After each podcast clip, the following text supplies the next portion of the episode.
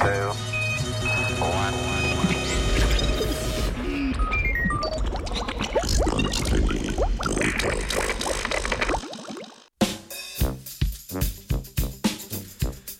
Fajn se zjokaj ali pa spokaj.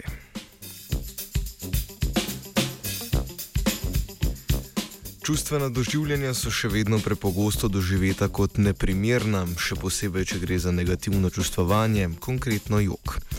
V tokratnem zbritofu se lotevamo raziskave o katarzičnih učinkih joka, ki je samo eden od pokazateljev, da je izražanje žalosti z jokom primerno in včasih celo potrebno.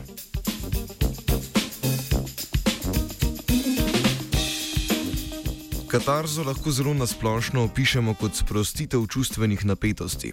Katarzičen jog pa se povezuje tako z odzivi avtonomnega živčevja kot družbenimi in komunikacijskimi aspekti.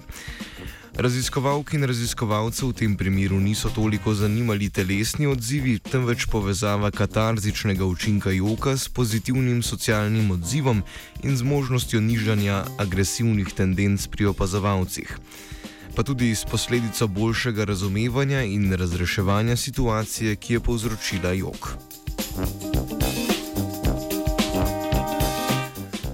Zaključki raziskav katarzičnega joka niso enotni. Samo poročanja udeleženk in udeležencev kažejo v prid temu učinku, nadzorovanje eksperimenti pa tega učinka niso zaznali. Možno je, da se v eksperimentih, ki ponavadi prikazujejo generično žalostne filme, ta efekt ne pojavi zaradi umetne situacije in umankanja oseb, ki bi okajočemu nudili socialno oporo.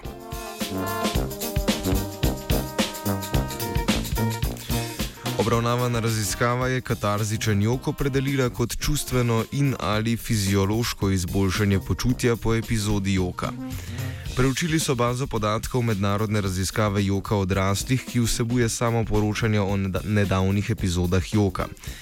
Za potrebe baze so udeleženke in udeleženci rešili Adult Crying Inventory oziroma vprašalnik o jogu pri odraslih, ki je sestavljen iz več delov.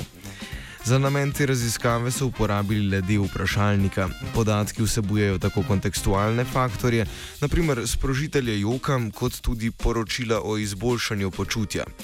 Baza podatkov je obsegala rezultate raziskave z udeleženkami in udeleženci iz 35 držav, uporabili so metodo samoporočanja o, o joku 2181 moških in 2915 žensk.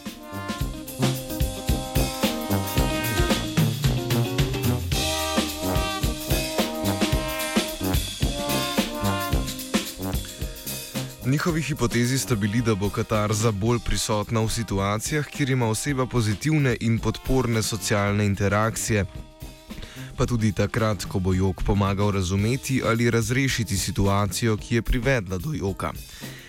Večina udeleženk in udeležencev je doživela katarzo ob epizodi joka, del jih ni poročal o katarzi, manjšina je opisala celo poslabšanje stanja. Analiza podatkov je pokazala, da je največ katarze prisotne v kontekstu, ko je prisotna ena dodatna oseba, ki jo kajoči osebi nudi oporo.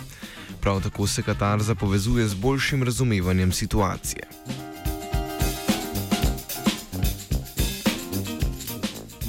Raziskava kaže ne samo, da je jok lahko katarzičen, ampak tudi, da sram in zaviranje joka onemogočata katarzo.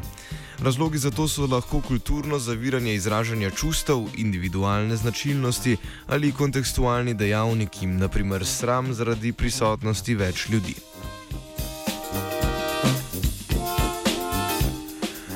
Več kot 90 odstotkov poljudno-znanstvenih člankov o jogu priporoča jog za sprostitev čustvenih napetosti. Zato poslušalci, jokajmo. Hmm.